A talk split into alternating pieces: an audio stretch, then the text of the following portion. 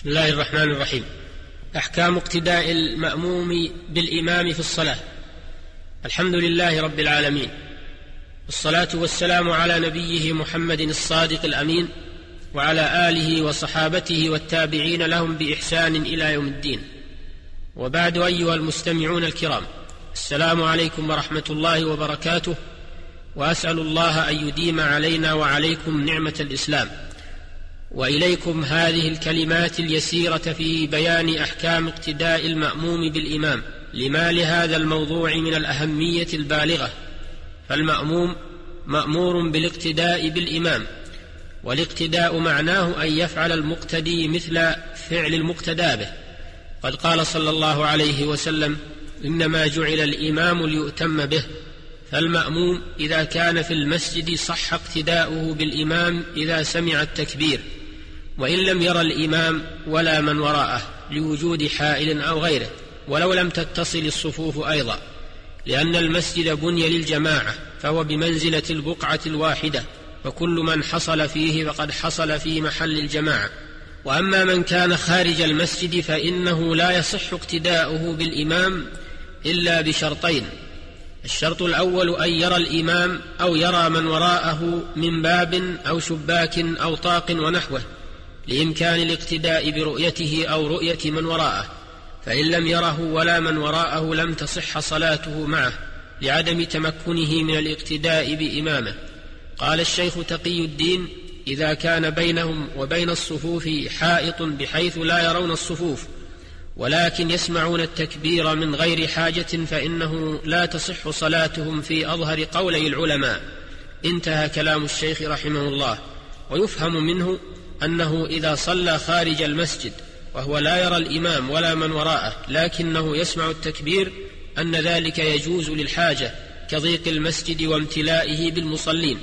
الشرط الثاني أن تتصل الصفوف بحيث لا يكون بين الذي يصلي خارج المسجد وبين الإمام أو الصفوف التي وراءه طريق يمشي فيه الناس فإن كان بينهما طريق يمشي فيه الناس لم تصح صلاته مع الإمام حينئذ فإن كان الطريق الذي بين المأموم والإمام لا يمشي فيه الناس وضاق المسجد بنحو صلاة جمعة واتصلت الصفوف في هذا الطريق صحت صلاتهم فيه مع الإمام للحاجة.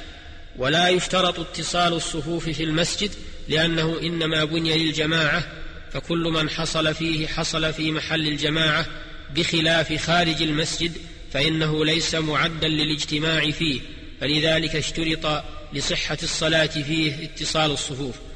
ولا بأس بعلو الإمام يسيرا عن المأمومين في الصلاة لأن النبي صلى الله عليه وسلم صلى على المنبر أخرجاه في الصحيحين. فإن كان علو الإمام عن المأمومين كثيرا ولم يقف معه أحد منهم كره لقوله صلى الله عليه وسلم إذا أما الرجل القوم فلا يقومن في مكان أرفع من مكانهم رواه أبو داود وغيره وهذا محمول على الارتفاع الكثير جمعا بين الأخبار. وأما علو المأموم عن الإمام فجائز سواء كان قليلا أو كثيرا وهو مروي عن جمع من الصحابة ولأن المتابعة حاصلة والأصل الجواز. ويكره للإمام أن يتطوع في موضع الصلاة المكتوبة بعد الفراغ منها لقوله صلى الله عليه وسلم لا يصلين الإمام في مقامه الذي صلى فيه المكتوبة حتى يتنحى عنه رواه أبو داود. وذلك لأجل التمييز بين صلاة الفريضة وصلاة النافلة لئلا يتوهم من يراه أنه يصلي الفريضة. وكذلك يكره للمأموم أن يصلي النافلة في المكان الذي صلى فيه الفريضة حتى يفصل بينهما بكلام أو انتقال. لنهي النبي صلى الله عليه وسلم أن توصل صلاة بصلاة حتى يتكلم أو يخرج. رواه مسلم. والعلة في ذلك والله أعلم تكثير مواضع العبادة لأنها تشهد له يوم القيامة. فإن لم يجد غير الموضع الذي صلى فيه الفريضة فلا تكره صلاة النافلة فيه. ويكره للإمام أن يبقى جالسا بعد السلام مستقبل القبلة على هيئة جلوسه قبل السلام. لقول عائشة رضي الله عنها كان النبي صلى الله عليه وسلم إذا سلم لم يقعد إلا مقدار ما يقول اللهم أنت السلام ومنك السلام تباركت يا ذا الجلال والإكرام رواه مسلم. ولأن في تحوله إعلاما بأنه صلى فلا ينتظر فربما إذا بقي على حاله أن يظن أنه لا يزال في الصلاة. وفي الصحيحين من حديث سمرة أن النبي صلى الله عليه وسلم كان إذا صلى صلاته أقبل علينا بوجهه ولغيره من الأحاديث فدلت النصوص أنه كان يعقب سلامه بالانصراف والإقبال على المأمومين. وإذا صلى معهم نساء بقي الرجال مكانهم حتى تنصرف النساء.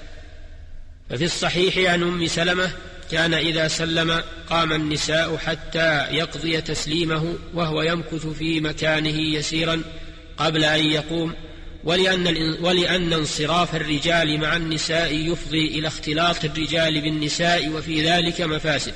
ولا ينبغي أن ينصرف المأمومون قبل الإمام. لقوله صلى الله عليه وسلم لا تسبقوني بالانصراف رواه مسلم. والمقصود لا ينصرفون قبل أن ينصرف الإمام عن القبلة لأنه ربما ذكر سهوا في الصلاة وكذلك في التريث في انصراف الرجال تمكين للنساء من من الانصراف من غير مضايقة ولا فتنة وهنا تنبيه لا بد منه وهو أن بعض الناس اعتاد المصافحة لمن بجانبه بعد السلام من الصلاة وهذه المصافحة لا أصل لها من سنة الرسول صلى الله عليه وسلم ولا من عمل صحابته. أعني بعد الصلاة ولو كانت مشروعة لفعلوها ولنقل لنا ذلك عنهم ولما لم يحصل شيء من ذلك علم أنه بدعة لكونه لكونه علم أنه بدعة بدعة لا تجوز لكن لو حصلت مصافحة بعض الأحيان لكونه لم يلتقي بأخيه إلا بعد السلام من الصلاة لا لأجل الصلاة فلا بأس بذلك لأن المصافحة عند التقاء المسلمين مشروعة.